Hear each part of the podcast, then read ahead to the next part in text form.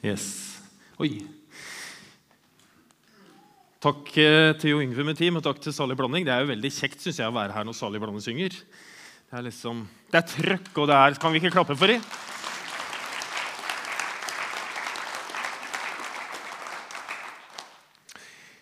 Som Tine sa, så er vi midt inne i en serie som heter Side ved side. og I dag så er vi faktisk kommet til del fem. Eh, og så er det en serie da som starta for fem uker siden, hvor vi eh, skal gå gjennom Nehemjas bok, i hvert fall deler av den, fra kapittel 1 til kapittel 7. Eh, og så henger disse søndagene sammen. så det betyr at Hvis du har gått glipp av de fem eller de fire første, så eh, kommer du nå midt inni. Eh, og så kan du høre på talene som ligger på skjermisjonskirke.no. De ligger også på vår podkast, så kan du liksom catche opp på det. Men kort fortalt så handler det om eh, at det er en mann som heter Nehemja, som eh, bor i Persia. Og så kommer det noen broren hans og noen til han og forteller at Jerusalem ligger i ruiner. Portene er brent opp, og murene ligger nede. Og Nehemja han blir veldig fortvila. Han gråter, og han ber. Og så mobiliserer han denne gråten eh, og bønnen til en visjon for å bygge opp murene igjen. Og så gjør han noe med det. Han handler på det. Eh, og Så inspiserer han murene, og så eh, istandsetter han ledere, og så setter de i gang med å bygge. Og så er vi nå midt inne i bygginga. Eh, jeg vet ikke om du har eh, vært her. Er det noen som ser hvor det er? Det er på Haukeli. På vei opp mot Haukeli. Eh, av og til så, og På vinteren så pleier jeg å si til min kone Maria kan ikke vi dra opp til Haukeli og så, og så sitte litt i kolonnekjøring. Eh, for det har jeg aldri gjort, og det, det ser jo så trivelig ut. Eh, og liksom når du har dette eh, Det amerikanske militæret har et uttrykk som heter 'the point of no return'. Altså, Du er kommet til et sted, og det er helt umulig å snu. Eh, og når du sitter i, Hvis du skal til Bergen eller Haugesund og skal kjøre eh, over fjellet over Haukeli på vinteren, så kommer du kanskje midt oppi en kolonnekjøring. Eh, kanskje du har liksom lasta ned én film på iPaden til barna liksom, som de skal se, og så er du stuck.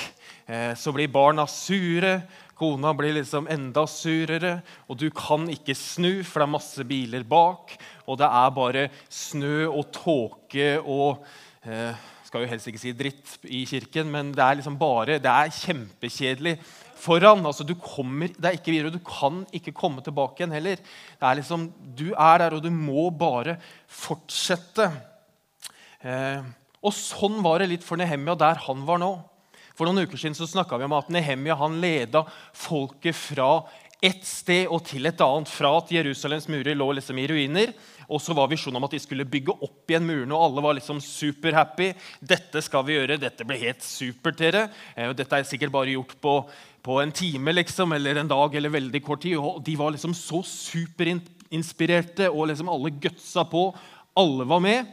Eh, superbra. Men så skjer det noe omtrent halvveis i den prosessen eh, som flere av oss har kjent på mange ganger. Eh, at når du er liksom midt i en sånn endringsprosess, eller du, liksom, du har liksom satt i gang, og det er for seint å gå tilbake til det det var Nå skal vi på en måte fram, eh, men så, så, blir du kanskje litt sliten.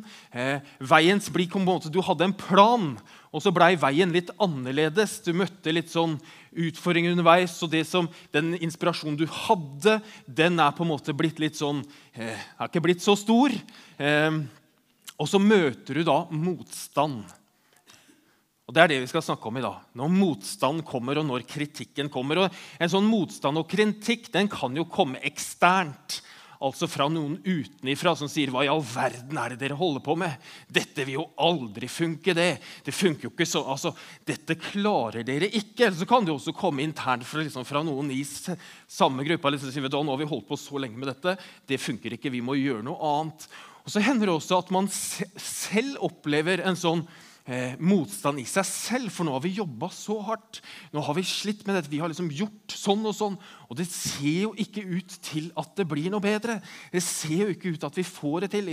Og så begynner det å miste troen på det som man holder på med. Skal vi se hvordan Nehemia, eh, hva han opplevde. Skal vi lese fra vers 1 i kapittel 4. Da Sanballat hørte at vi holdt på å bygge opp muren, ble han sint. Han var fra seg av raseri. Han spottet judeerne og sa til landsmennene sine og til hæren i Samaria.: Hva er det med disse elendige judeerne driver på med? Skal de bygge opp igjen, ofre og fullføre på én dag? Kan de gjøre de brente steinene i grushaugen levende? Ammonitten Tobias som var sammen med han, sa la dem bare bygge så mye de vil. Bare en rev hopper oppå, så river den steinmuren ned. Disse gutta de gjør narr av Nehemia og de som jobber. Hvem tror de at de er? liksom? Vi har ikke én ingeniør på byggemuring. Det er liksom ikke én fagarbeid, det er ikke en som har tatt fagbrev engang. Bare en rev hopper oppå, så river han ned. Bare vent og se. Hvordan møter du motstand og kritikk? Går du i forsvar og sier nei, nei, nei? Eller legger du deg helt flat? Møter du kritikk med liksom forståelse og interesse, eller tar du på deg det som man kaller for den fulle rustningen? Hva gjør du? Blir du sint? Eller blir du lei deg? Blir du redd, kanskje? Eller preller det bare av? Du vet at Det er noen som er så redd for motstand og kritikk at de unngår å gjøre de rette tingene. Nettopp fordi de er så redd for å få motstand. Det er en som har sagt at eh, frykt kan få deg til å selge sjelen din. Ikke hele på én gang, men litt og litt av gangen. Og så er det jo noen som er så redd for motstand og kritikk at de ser for seg reaksjonene på en endring mer enn resultatet av selve endringen. Noen er så redd for motstand og kritikk at de vil ikke si hva de mener engang. For de er så utrolig redd for reaksjonene på det de da sier. Og så er det noen som blir sinte av motstand og kritikk. Og frykt for noe kan gjøre deg sint. På kolleger, på venner og på familie. Og frykt og motstand nei, og kritikk kan gjøre at vi får litt sånn uhensiktsmessige reaksjoner. Og så blir alt bare verre. Og så er det noen som slutter å drømme når de får kritikk. Og det er kanskje den verste reaksjonen av alt. Fordi det er jo et tegn på når man slutter å drømme, det er jo et tegn på at frykten har vunnet. Og noe som er helt grunnleggende i vår kristne tro, noe som er helt, liksom, nesten en grunnmur i det vi tror på, er jo håpet. Håpet om en bedre fremtid. Håpet om endring. Håpet om bedre dager. Og Hvis vi slutter å drømme, så mister vi håpet. Og hva sitter vi igjen med da? Hvis du ikke har drømmer og ikke håp, hva sitter du igjen med da? På onsdag så var det en konsert her med Watoto. Var det noen som var her da? Noen av dere. Det var jo en gjeng med foreldreløse barn fra Uganda som var her og sang. Og de hadde mista drømmene sine. De hadde mista håpet sitt. Og så kom de til Watoto-familien og Watoto-landsbyen, og så fikk de nye drømmer og nytt håp. Vi hadde tre av de hjemme på overnatting hos oss. Eh, og ved frokostbordet på torsdag morgen så spør jeg de hva er det dere drømmer om. Hva drømmer du om? Og Jeremia, som var Nei, Peter var det, som var elleve år, han drømte om å bli pilot. For da kunne han liksom fly rundt over hele verden og sveve rundt. Liksom. Det drømte han om. Men så var det en som het Jeremia. Han var ti år. Han drømte om å bli advokat. Så syns jeg det var litt rart for en tiåring å drømme om å bli advokat. Kjenner ikke mange tiåringer som drømmer om det. Så jeg spurte hvorfor drømmer du om det. Så sier han at i Uganda så er det så mye urettferdighet. Det er så mange eh, maktmennesker som gjør gærne ting. Så vi trenger noen gode advokater som kan gjøre en forskjell. Som kan bety en forskjell for landet vårt. Og så kommer det fra en tiåring, og så blir jeg nesten sånn blown away. Slutter du å drømme, så mister du håpet. Og hva sitter du igjen med da? Men så lurer jeg på hva er det motsatte av frykt? Mange av dere har sett det bildet før. Og så tenker jeg at det å være modig, det er ikke å ha fravær av frykt. Jeg kjenner mange som er veldig modige, mye modigere enn det jeg er. Og det jeg vet om de, det er at de kjenner på frykt. De vet veldig godt hva frykt er. Men modighet det er en bestemmelse om at frykten ikke skal vinne. Hva er det Nehemia gjør når han møter motstanden? skal vi lese videre. Hør vår Gud, ber han, hvordan vi blir hånt. La spotten vende tilbake over deres egne hoder. La dem bli plyndret og ført som fanger til et fremmed land. Det er ganske heftig bønn. Dekk ikke over deres skyld, og la ikke synden bli visket ut for ditt ansikt. De har krenket bygningsmennene. Og så bygde vi opp igjen muren i halv høyde helt rundt, og folket la sitt hjerte i arbeidet. Hva det Nehemia gjør? Jo, han ber. Han øser ut sin frustrasjon for Gud. Han øser ut sitt sinne. Han roper til Gud for alt som er gærent, for alt han er sint på, for disse elendige Sanballat og Tabi, Tabia, eller hva han het, som kommer og snakker negativt og dårlig og sier at dette får du ikke til. Han øser ut sin frustrasjon. Når gjorde du det sist? Når øste du ut din frustrasjon til Gud og sa vet du hva, dette finner jeg meg ikke i? Dette er urettferdig. Dette må du ordne opp i. Når gjorde du det sist? Når var du sint på Gud sist? Kanskje du har vært det hele uka. Kanskje du var det i går. Kanskje er du det akkurat nå. Kanskje var du det for et år siden. Kanskje du aldri har vært sint på Gud. Vet at Gud har plass til din aggresjon, til din frustrasjon, til ditt sinne, til din elendighet. Gud har plass til alt. Han rommer alt, og det visste Nehemia. At hos Gud så kan jeg øse ut min frustrasjon. Og Så gjør han en ting til. Han bygger. Han fortsetter å bygge. At Frykt og motstand kan føre til en sånn handlingslammelse hvor man ikke gjør noen ting. Og så kan det føre til handling hvor man fortsetter å bygge. Og Nehemia, han handler. Og så står det at folket legger sitt hjerte i byggingen. Hvis du kun har med hodet ditt i kristent arbeid, så faller du av når du får motstand. Hvis du kun tjener med hodet ditt. Nehemia var jo utrolig god på å bruke hodet. Han var utrolig god på strategi, på å inspirere og motivere og sette folk i stand. Men han visste også det at han måtte ha hjertet med og ha hjertet på rett plass. Vet du at Helhjertede kristne de er motiverte og inspirerte. Og de vil møte motstand. Mens halvhjertede kristne de er ikke så farlige med. For de får ikke gjort så mye. Verken positivt eller negativt.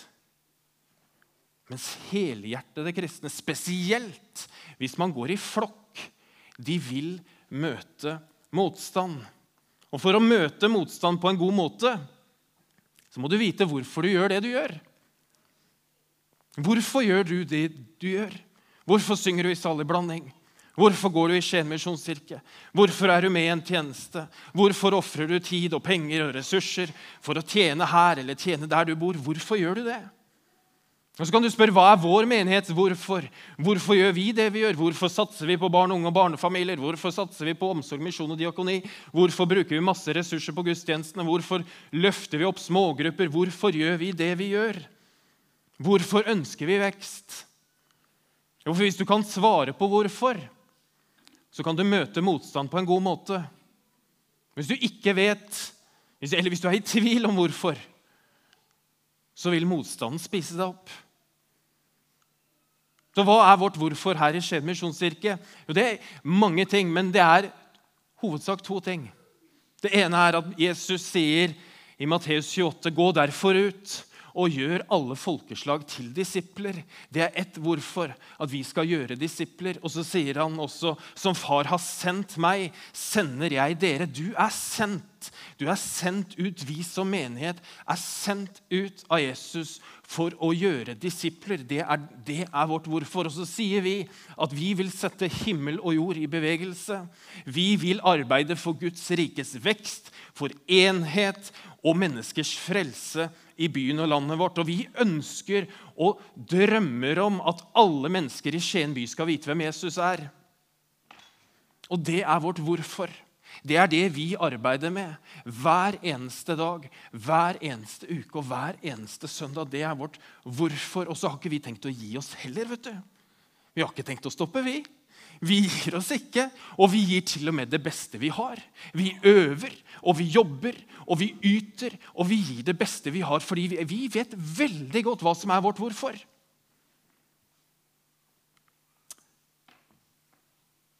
Hvilken sak eller hvilken hensikt er du lidenskapelig opptatt av og villig til å lide og ofre for? Det er et langt spørsmål.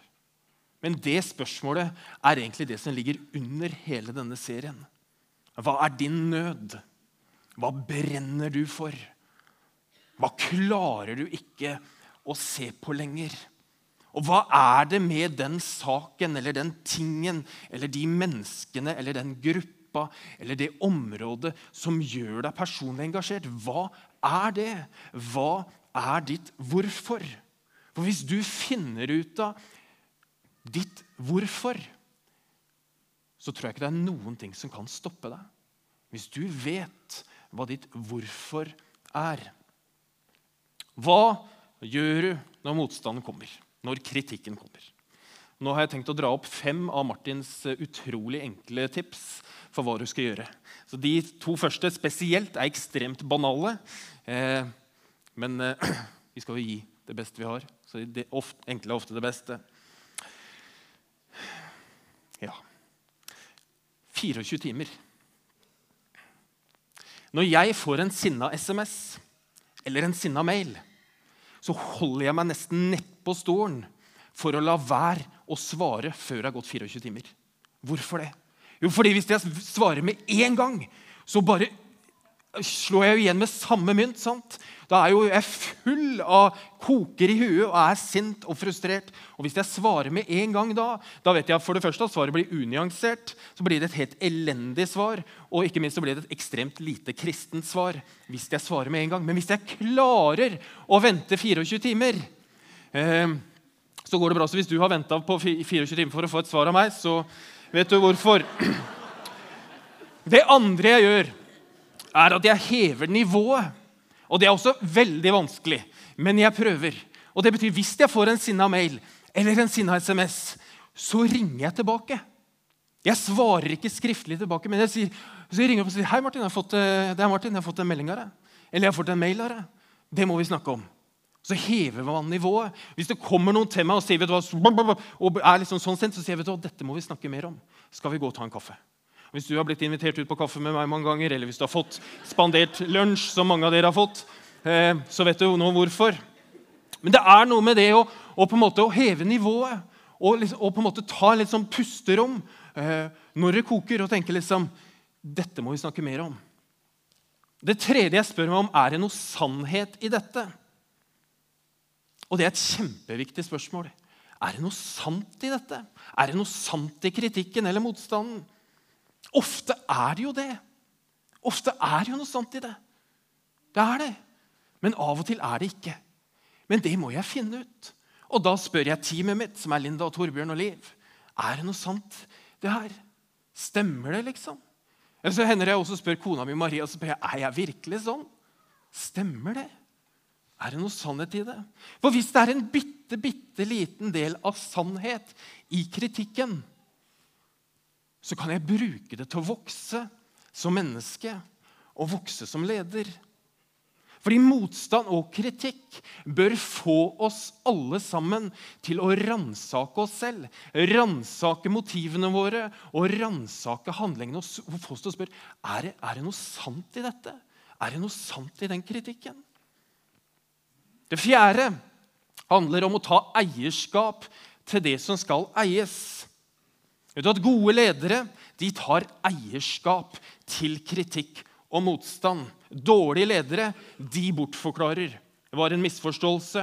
Det var ikke det jeg sa. Hun har misforstått. Hun lyver. Du kjenner jo henne. Hun er jo gæren. Må ikke høre på henne. Dårlige ledere de bortforklarer. Mens gode ledere tar eierskap til det som skal eies, det som er sant. Så det betyr hvis kritikken er berettiget, så ta ansvar for den. da. Ta den imot, og lær av den. Og jobb med den. Ta konsekvensen av kritikken. Det var veldig hyggelig, dette hørte jeg. med nå. Jeg laga en veldig komplisert setning som jeg nesten ikke skjønner sjøl. Her står det Gode ledere vet at en selv ikke ser alle sine sider, og at andre mennesker ser de sidene som man selv ikke ser. Henger dere med? Og som kan være kritikkverdig. Det betyr jo det at du ser jo ikke alt, du. Du ser jo aldri ansiktet ditt. Du ser jo aldri nesa di, hvis du ikke har veldig lang nese. Eh, men du ser jo ikke, du ser ikke hvordan du reagerer på ulike ting. Men det ser andre. Og kanskje noen ser det som du ikke ser. Punkt fem er å be om hjelp. Søk råd. Gå til en veileder. Jeg har tre av de, for jeg trenger mange. Eh, så be om hjelp. Gå til en veileder. Spør kona di. Hvis du er i tvil, så kan du spørre svigermor. så får du i hvert fall et ærlig svar. Eh, spør kollegene, men be om råd. En av våre viktigste egenskaper som foreldre og som ektefeller og som kjærester og som kolleger er evnen til å spørre om hjelp og si vet du hva, jeg skjønner ikke alltid. Jeg, spør, jeg spør om hjelp hele tida. Det er jo så mange ting jeg ikke kan. Det er jo så mange ting jeg ikke forstår. Så be om hjelp. Han her burde kanskje ha spurt om hjelp før, men, men han trengte jo ikke briller, han. Jeg ser godt, jeg. Jeg gjør det. Skulle ha gått til Specsavers. yes. Det siste er, det var faktisk seks punkter. Det siste er hold fast på drømmen. Uansett. Vet du at Gud legger drømmer i ditt hjerte. Gud kan legge visjoner i hjertet ditt. Om du møter kritikk eller motstand, så må du ransake deg selv, dine egne motiver. Spør om er det noe sant i dette. Er jeg virkelig sånn? Men du må holde fast på den drømmen som Gud kan ha gitt deg den visjonen, det du fikk én gang. Jeg er sikker på Her sitter det mange som har fått drømmer. For mange år siden eller nå nylig. Så hold fast på den drømmen, dere. Hold fast på det håpet om en bedre fremtid, om å utgjøre en forskjell, om å bety noe for Gud. Vet du at Nehemia han var mer opptatt av visjonen og oppdraget enn av sin egen utvikling og sin egen karriere. Skal vi se på hvordan det ser ut? Samtidig sa jeg til folket.: Hver mann og hans tjenestefolk må bli over i Jerusalem, så de kan holde vakt om natten og arbeide om dagen. Selv kom vi aldri ut av klærne, verken jeg, brødrene mine, tjenestefolkene eller vaktmennene som fulgte meg. Hver mann hadde våpen i høyre hånd. Nehemia kom aldri ut av klærne, står det. Visjonen og drømmen hans for et nytt Jerusalem det var viktigere for han enn hvordan han selv hadde det. Og så tenker jeg Tenk hvis det var viktigere for oss hvordan familien vår fungerte, enn hva vår rolle i familien var. Tenk hvis det var viktigere for oss hvordan teamet vårt på jobben fungerte, enn hvilken rolle jeg hadde. Tenk hvis det var viktigere hvordan eh, Beam fungerte, eller lefsebaking, eller tjenesten du har i menigheten, hvordan det fungerte, enn min rolle i den. Tenk hvis vårt fokus var å gjøre andre gode. Jeg var på GLS, som er en sånn lederkonferanse, forrige helg. og Da var det en som heter Ed Catmull, som er grunnlegger av Pixar Animation Studios. og Så solgte han det til Walt Disney for, for 7 milliarder dollar. Så han satt ganske godt i det. Eh, men han sa det at mål vellykkethet på hvor godt teamet ditt arbeider sammen.